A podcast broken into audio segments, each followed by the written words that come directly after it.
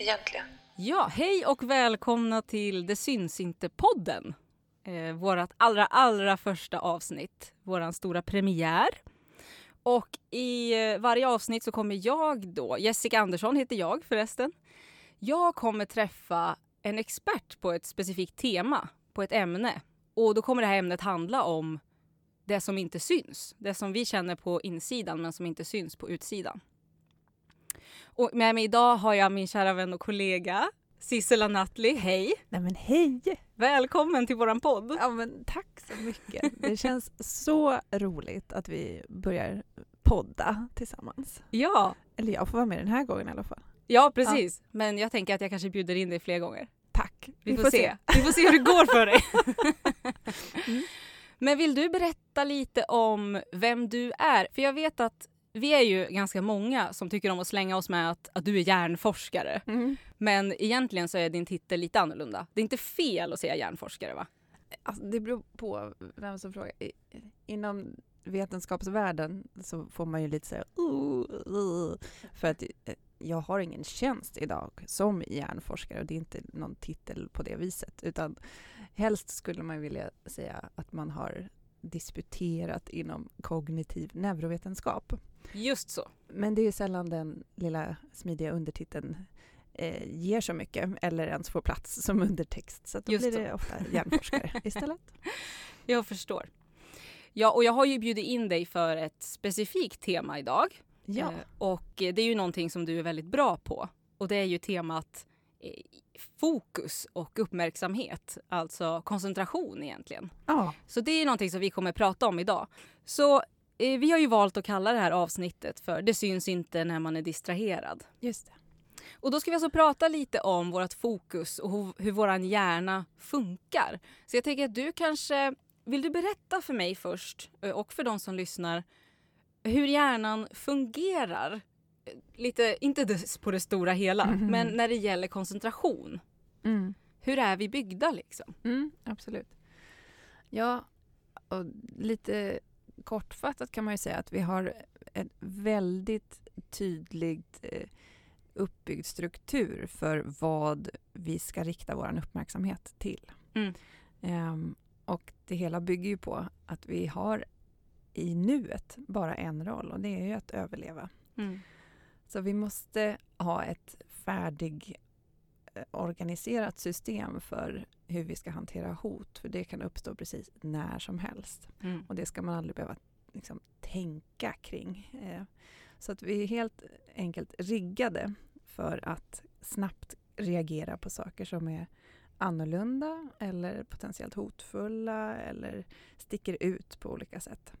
Det kommer att fånga vår uppmärksamhet direkt. Och det sker på automatik? Liksom. Ja, Mm. Och det gör det för oss och det gör det för alla djur. Så vi är ju någon slags, vi har en, en bild av oss själva som att vi är den mest utvecklade djurarten. eh, jag, jag kan inte varken bekräfta eller dementera om det är så. Men vi har en, eh, en utvecklad eh, eh, tankeförmåga, våra resurser när det kommer till att tänka långsiktigt och kunna planera och med vilja rikta vår uppmärksamhet. Den är unik Mm. så långt som vi vet. Så det finns liksom två system. Den ena är att vi, blir, eh, att vi ska vara reaktiva. Vi ska eh, blixtsnabbt identifiera potentiella hot. Och det är det här bottom-up-systemet då, som är våra urgamla strukturer som har spår från flera hundra miljoner år tillbaka. De styr över att vi ska eh, vända vår uppmärksamhet till sånt som, är, som triggar våra väldigt eh, fundamentala och grundläggande eh, känsloregister. Och det handlar om att uppleva hot eller uppfatta hot. Eh, men också belöningar och nyfikenhet. Så det kommer vi att rikta vår uppmärksamhet till nästan per automatik. Mm. Och den andra delen av uppmärksamheten, det är ju den som vi vill med vilja styra över. Det är när man har en plan och man ska lägga upp sitt arbete och tänka nu ska jag få, få gjort det här eller jag ska deklarera eller något annat härligt. Sånt kul. Ja. Då kräver det att vi använder våra tankekrafter eh, för att organisera vårt arbete och eh, rikta vår kontrollerade uppmärksamhet till det som, ska, som vi ska göra. Och den är väldigt begränsad. Vi har väldigt lite av den förmågan. Mm.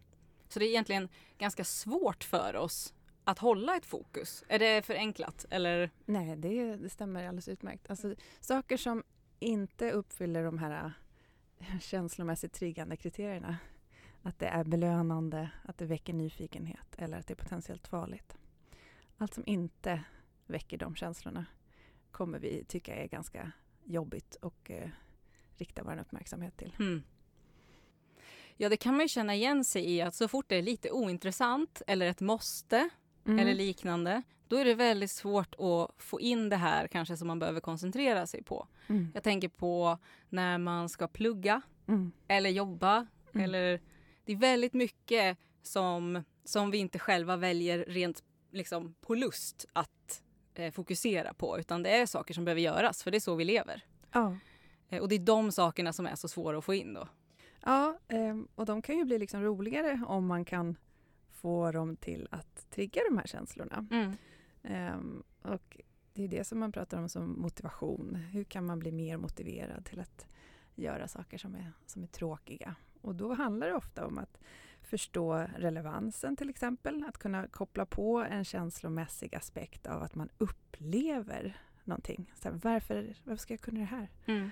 Och den frågan bör man alltid eh, kunna stötta om man är i en lärande situation. Liksom, mm. Ja, varför ska jag kunna det här? Och, eh, och kunna besvara den frågan är ganska avgörande för att man överhuvudtaget ska vilja ägna sig åt det här eller ta sig an den här utmaningen som mm. det kommer vara. För det är svårt. Allt som är nytt, allt som är eh, som vi måste bygga nya nätverk kring i hjärnan för att lära oss kommer vara träligt och jobbigt och vi kommer behöva göra det flera gånger. Mm. Så eh, repetition är en nyckel ändå. Det kommer vara jobbigt första gången. Blir det lättare för varje gång ja. som man upprepar den här inlärningen då som man försöker få in? Så är det absolut. För när vi lär oss någonting så är det egentligen ja, det är tre delar som ska samverka. Eh, och jag brukar jämföra det här med, med ett hus. Eh, vår uppmärksamhet den kan vi liksom till viss del då eh, kontrollera och styra över. Och den kan man jämföra med en dörr.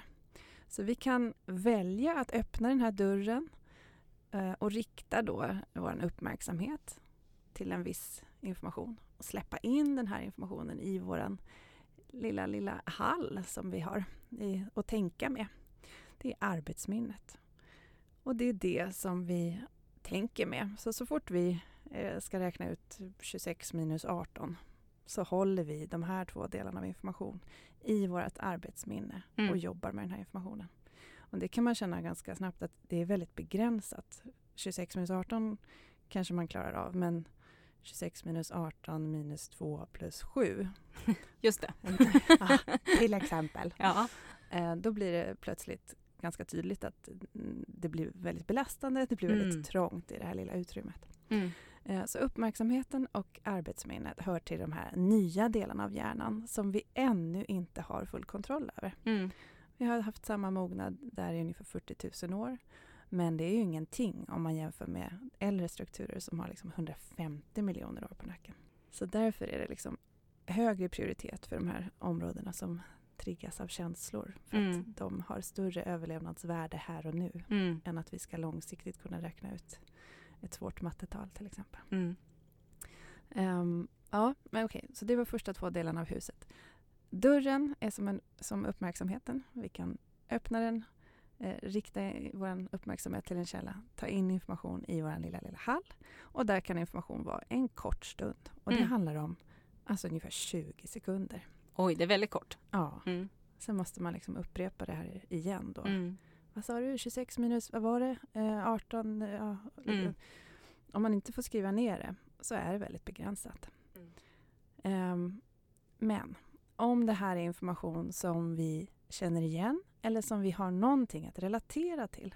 Finns det någon slags krok att lyfta in i långtidsminnet? Mm. Då har vi mycket bättre möjlighet att faktiskt hålla kvar den här informationen. För mm. långtidsminnet är alltså som det stora lagret av huset. Här har vi hur mycket rum som helst. Vi har hur mycket kapacitet att bygga kunskap och minnen som helst. Det finns ingen begränsning verkar det som. Och det är liksom resten av hjärnbarken som får ta hand om att eh, eh, stora, vill jag säga på engelska. Lagra då kanske? Tack så mycket. Ja. I eh, långtidsminnet och det här lagret. Ja. Men så det finns, ehm, jag tänker det här med att kroka i Mm. och skapa lite kontext för det vi lär oss. Mm. Jag tänker på alla de här ramsor, ramsorna man lärde sig på lågstadiet eller när man lärde sig tyska. Ja. Eh, Anna och Finterin. Peter. Ja, det sitter ju kvar. Ja. Är det på grund av att det fanns något att kroka i? Att det fanns eh, en ram runt det liksom? Ja, det är precis det. Så när man pratar om att förstärka eh, möjligheten att bygga krokar Ja. så handlar det många gånger om att använda så många sinnen som möjligt. Mm. Eh, och att kunna faktiskt, apropå kulturens kraft, att använda sig av rytm eller melodi. Mm. Det är många som säger att "Nej, jag tror aldrig jag hade lärt mig multiplikationstabellerna om inte min lärare hade gjort eh, en eh, låt för varje multiplikationstabell till Ja. exempel.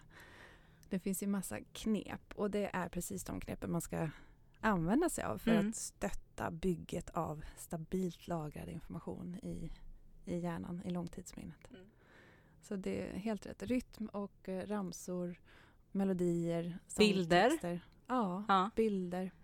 Eh, och även liksom kan man koppla det till kontexten man är i. Alltså, det är därför det är lite bra, nu hoppar vi in på tips kanske, men när man ska koncentrera sig så kan det vara bra att ha ett speciellt utrymme. Eh, ett rum eller ett bord eller skapa en yta Mm. för det är här jag koncentrerar mig. Mm. För då kommer man också associera själva liksom sinnesstämningen av att här är det lugn och ro och här är det utan distraktioner och här har jag den här typen av fokus. Och då hjälper man liksom kroppen och hjärnan att hamna i rätt eh, associationskontext för att kunna lära sig bättre. Så man lär sin hjärna att det är här vi brukar koncentrera oss. Ja, Eh, och så kan man lära sin hjärna då också att så här, det är här vi brukar chilla. ja Kan det hjälpa en att slappna av då att soffan är chillhörnan och exakt. ens skrivbord är koncentrationshörnan, Precis. jobbhörnan, plugghörnan. Exakt. Ja. Och i sängen sover vi. Ja. Alltså att man skapar utrymmen som, som hjärnan lär sig att associera till, till olika aktiviteter. Mm. Så vi tar liksom ledtrådar av omgivningen hela tiden. Mm. Och, och det kan hjälpa oss att komma på information och, och, och ja, vi får ledtrådar till Mm. det vi ville tänka på där. Får jag ställa en sjuk fråga? Såklart. ja. Är det någon, apropå, för du pratade om det stora långtidsminnet, Ja. stora huset. Är det någon som har försökt mäta hur mycket minne som finns där? Vet du det? Oh. Jag kan inte vara den enda som undrar det här. Nej, det finns det säkert. Ehm, och det är väl det som är det coola. Vi lär oss hela tiden nya saker om hjärnan och jag kan inte se att det skulle finnas några begränsningar. När man tittar på de här liksom jätte, jätteimponerande minnesmästarna eh, så har ju de skapat eh, förmågan att träna upp framför allt sin sitt liksom, associationsförmåga Mm. jättebra. Mm.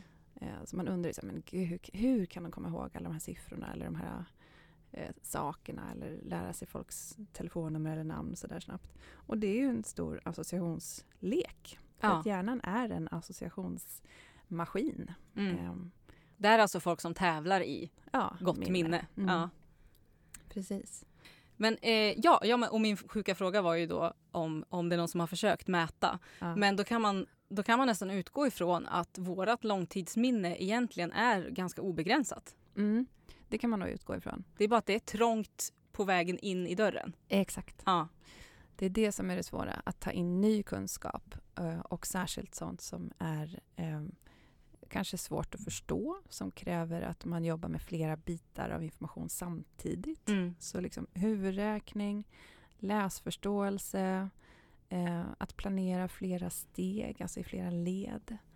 Eh, det är jobbigt för alla, men det kan vara extra jobbigt om man har liksom extra trångt i hallen. För Det är Mm. många som har det. Mm. Och det är många som också har glapp i dörren, eller vad man ska säga. Mm. Alltså att det kommer in massa saker i tankarna som man inte vill ha där just då. Mm. Man blir distraherad.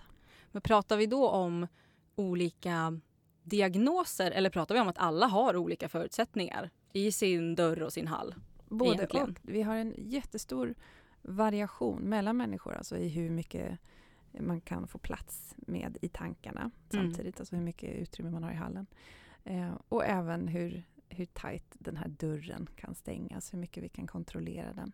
Men sen så finns det ju då vissa diagnoser som är kopplade till just eh, uppmärksamhetsproblematik, till exempel ADHD. Mm. Det är, då ska man ha en, en, ett problem liksom med att bibehålla sin uppmärksamhet till en viss källa. Så då kan man jämföra det, det är lite som att dörren står och slår eller att det är som en svängdörr. Mm. Att det läcker ut, den informationen som man ville hålla i tankarna och jobba med i hallen, den läcker ut och istället kommer in annan information. Mm. Och även när man har fått in den informationen som man ville hålla i tankarna så är det trångt i eh, arbetsminnet Mm. i hallen.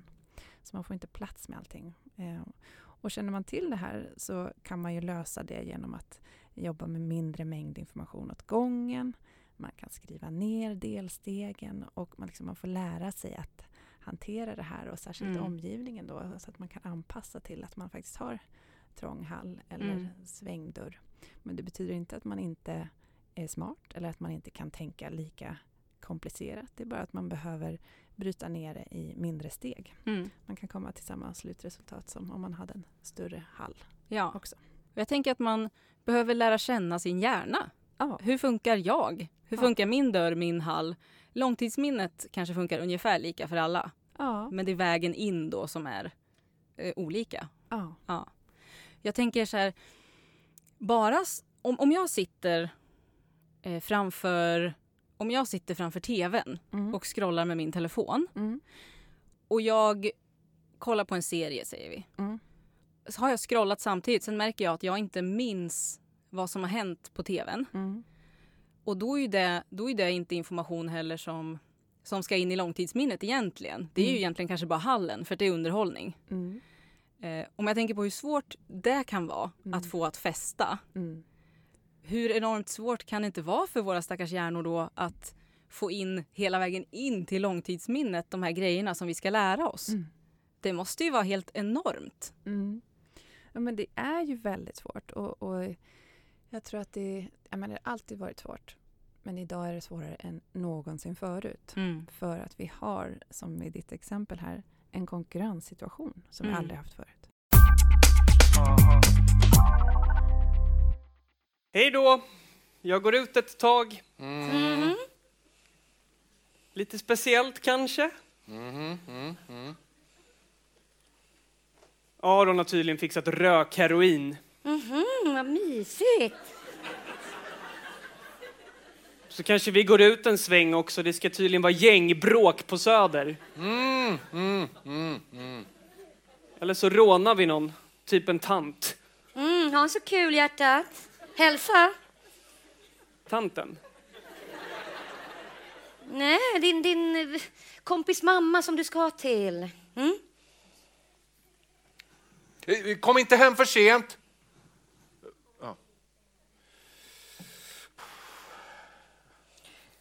Åh gud. Åh oh, gud. Åh, gud. Mm, man kanske ska gå och lägga sig. Ja, ja jag, jag, jag, jag kommer snart. Jag, jag, jag ska bara titta klart på det här klippet så kommer jag. Ja, jag går och lägger mig då. Ja, jag, jag, jag, jag kommer. Jag kom, kommer. Puss.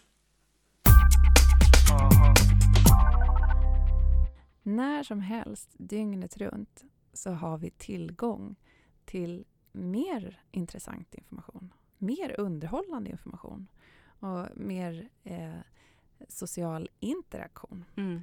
När som helst.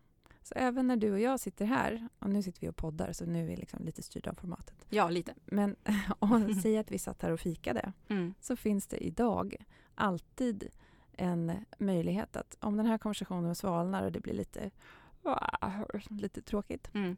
då kan jag plocka upp min mobil och kolla, finns det något mer intressant Mm. där?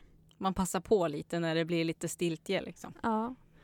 Ehm, och vi har den här enorma konkurrenssituationen för vår uppmärksamhet som gör att det, Mm.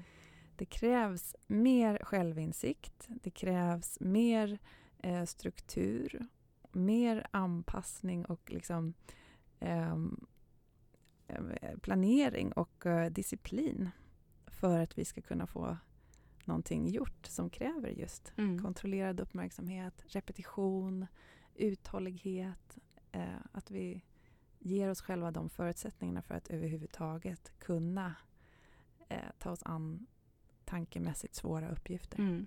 Ja, för det vi gör, det, för det vi pratar om här nu är ju eh, våra digitala medel och det har ju utvecklats så otroligt mycket de senaste åren. Mm. Och det vi gör helt enkelt är att vi, vi jobbar på fortfarande som vi gjorde förr innan Mm. vi hade smartphone. Mm. Eller innan vi hade en iPad som låg bredvid oss eller TV för den delen. Mm. Eh, och det gör, det gör att vi inte riktigt har anpassat oss än till allt det här som händer omkring oss. Nej, Mm. och det är oklart om vi någonsin kommer göra det. Det kanske hjärnan gör om liksom 10 000 år eller sådär. Eh, det tar väldigt lång tid för liksom evolutionen att forma fram nya förmågor eller Mm. liksom spetsa till det som behövs i en nutid.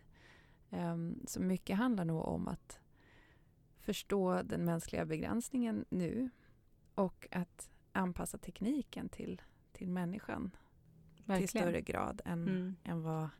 För jag menar, hittills har det gått så otroligt snabbt och vi har utvecklat teknik som för att vi kan. Mm. Alltså vi, vi testar ny teknik och vad kan den göra? Och man har inte riktigt tänkt till, bara för att vi kan göra så här med tekniken, borde vi det? Blir det bra för Mm. människan eller inte?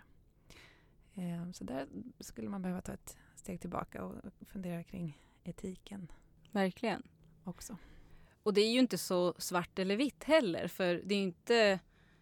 För som jag har förs- förstått det på dig så det är ju inte enbart ett hot mot våran tillvaro, digitalisering och så vidare. Utan vi måste bara lära oss hur vi ska göra det bästa av den. För att vi behöver det ju också.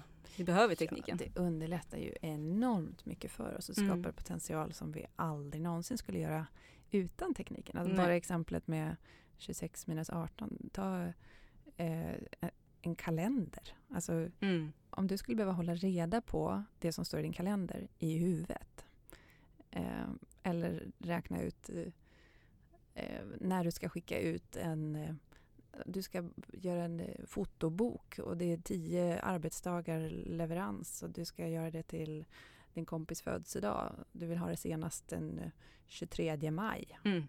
När måste du senast vara klar för att det ska vara tio arbetsdagar? Då måste du hålla på och räkna i huvudet. Okej, 23 är en torsdag, 22 är en onsdag, 21 Mm. en... eh, I en kalender kan du bara sitta och räkna 1, 2, 3, 4, 5, 6, 7, 10. Ja. Så Ja, banalt exempel kanske, men det, vi använder oss av tekniken hela tiden för att underlätta just för våra tankemässiga begränsningar. Mm. Eh, och nu gäller det bara att se till att vi får behålla de tankemässiga eh, begränsningar eller den kapacitet som vi faktiskt har Verkligen. och nyttja den så bra som möjligt så att vi inte blir också störda av teknikens möjligheter så att säga. Mm. Så bra sagt. Ja, jag eh, bad ju dig ta med ett litet eh, fokustest Ja. som du kan testa på mig. Ja. Ja. Eh, jag, jag, I volunteers tribute. Ja. Vad härligt. Ehm, Vad ska vi göra? eh, ja, men precis.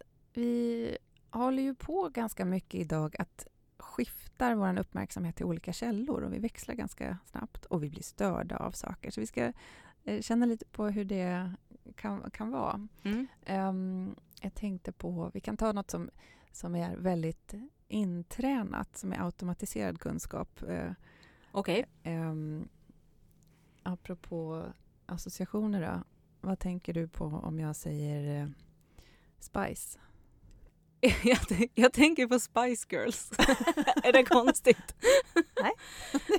Det var, det var, det var min förhoppning att det skulle Nej. ringa bra. Jo.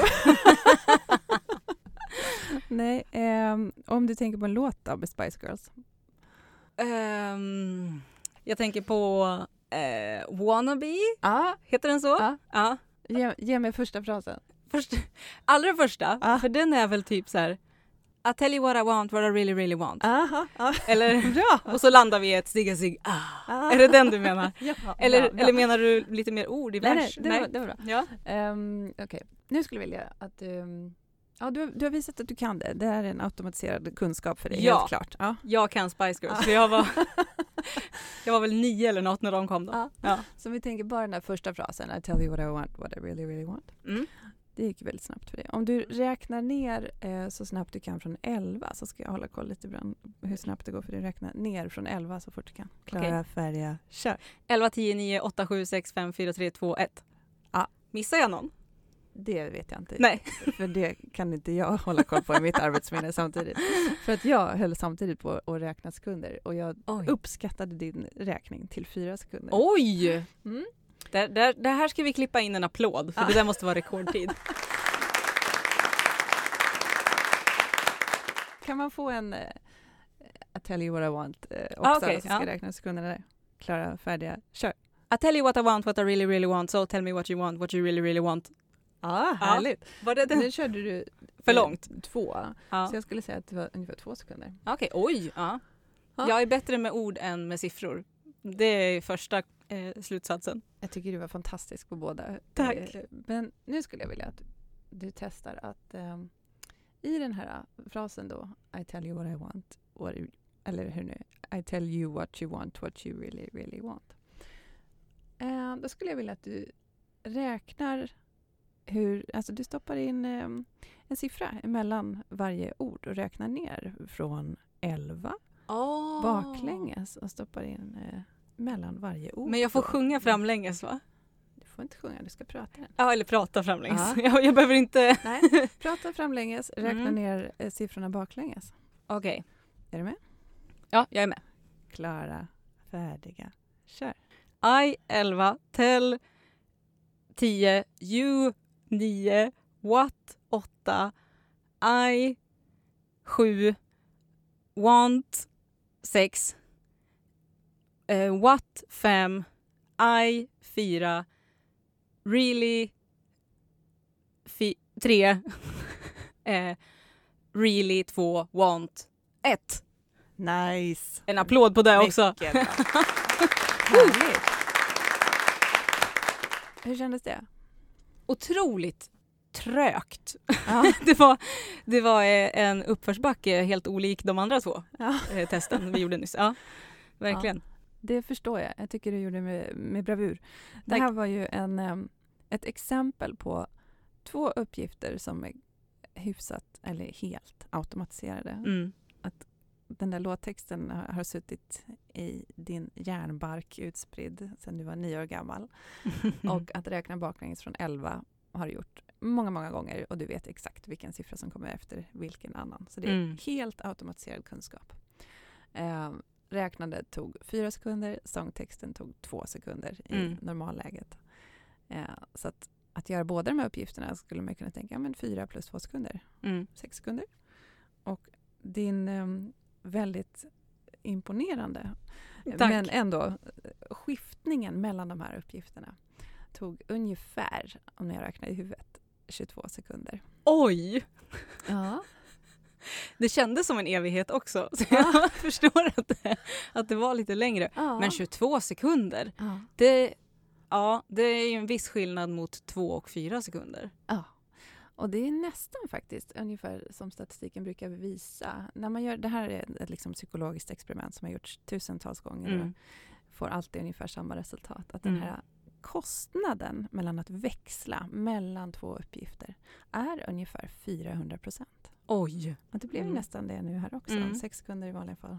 24 hade det varit. Ja, Ehm, verkligen. Så den, den eh, kostnaden är väldigt stor för oss. Att Mm. skifta vår uppmärksamhet från en typ av uppgift till en annan och sen tillbaka kostar på. För man tror att det, liksom, det finns ett litet spår kvar från den första Mm. uppgiften när man växlar till den andra.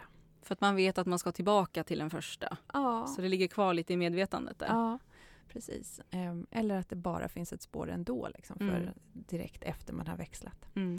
Ehm, så det här gör ju att det är väldigt ineffektivt för oss att varje gång som vi växlar vår uppmärksamhet från, från en uppgift till en annan ehm, så tappar vi lite fokus där. Mm. Vi tappar lite tid och lite energi.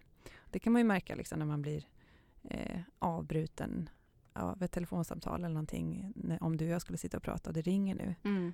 så skulle vi få vår konversation avbruten och så Mm. förmodligen skulle vi säga Vad var det vi någonstans? pratade om? Ja, Ja. precis. Och det är just den där, man letar lite, det tar lite tid att komma tillbaka till det som man höll på med. Mm. Och idag har vi ju liksom alla möjligheter att bli avbrutna Mm. hela tiden. Jag tror många, jag själv inkluderad, jobbar på det sättet också. Man tänker att nu är jag effektiv för Mm. att jag gör tre saker samtidigt. Ja, Och då är jag, då är jag bra. ja Eh, precis. Men du kanske bara sätter käppar i hjulen för dig själv alltså? Ja, Högst troligen gör du det. ja eh, helt klart gör Mm. det. Mm. Ehm, För vi klarar inte det. Och det har att göra med då att det här hallen, vårt arbetsminne, är så pass begränsat som det är. Mm. Vi klarar inte att göra egentligen mer än en sak åt gången, att rikta vår uppmärksamhet till en grej. Vi vill ha Mm. en sak i taget i arbetsminnet, Mm. så ofta som möjligt. Ibland måste man till och med ha mer komplicerad kunskap där, eller information. Och då, det här var ju liksom två väldigt simpla uppgifter, att räkna ner från 11 och Verkligen. eh, en liten fras från en Spice Girl-låt. Mm. Eh, det finns ju långt mer komplex eh, tankemässig bearbetning man kan göra än så. Mm. Och då kan man ju tänka hur dramatisk den här effekten blir om man faktiskt försöker sitta och göra någonting väldigt svårt. Ja.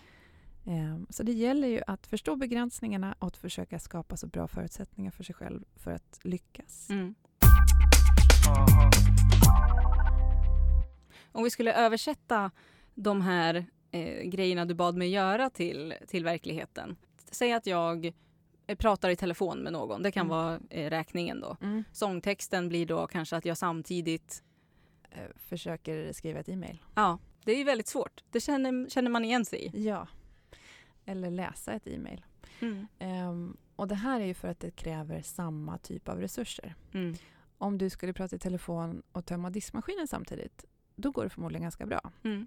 Eh, för det kräver inte samma tankemässiga resurser. Nej, precis. Det är lite olika. Men om du ska använda text på två ställen samtidigt, alltså lyssna och skriva eller läsa samtidigt, då blir det en konkurrenssituation som blir helt omöjlig och du Mm. måste växla.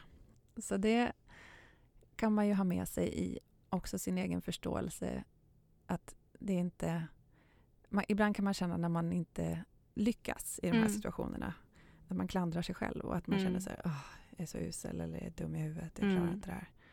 Eh, men det handlar inte om det, utan det handlar om att hjärnan är inte menad att kunna klara av de där sakerna. Vi är inte gjorda för det. Nej. Nej.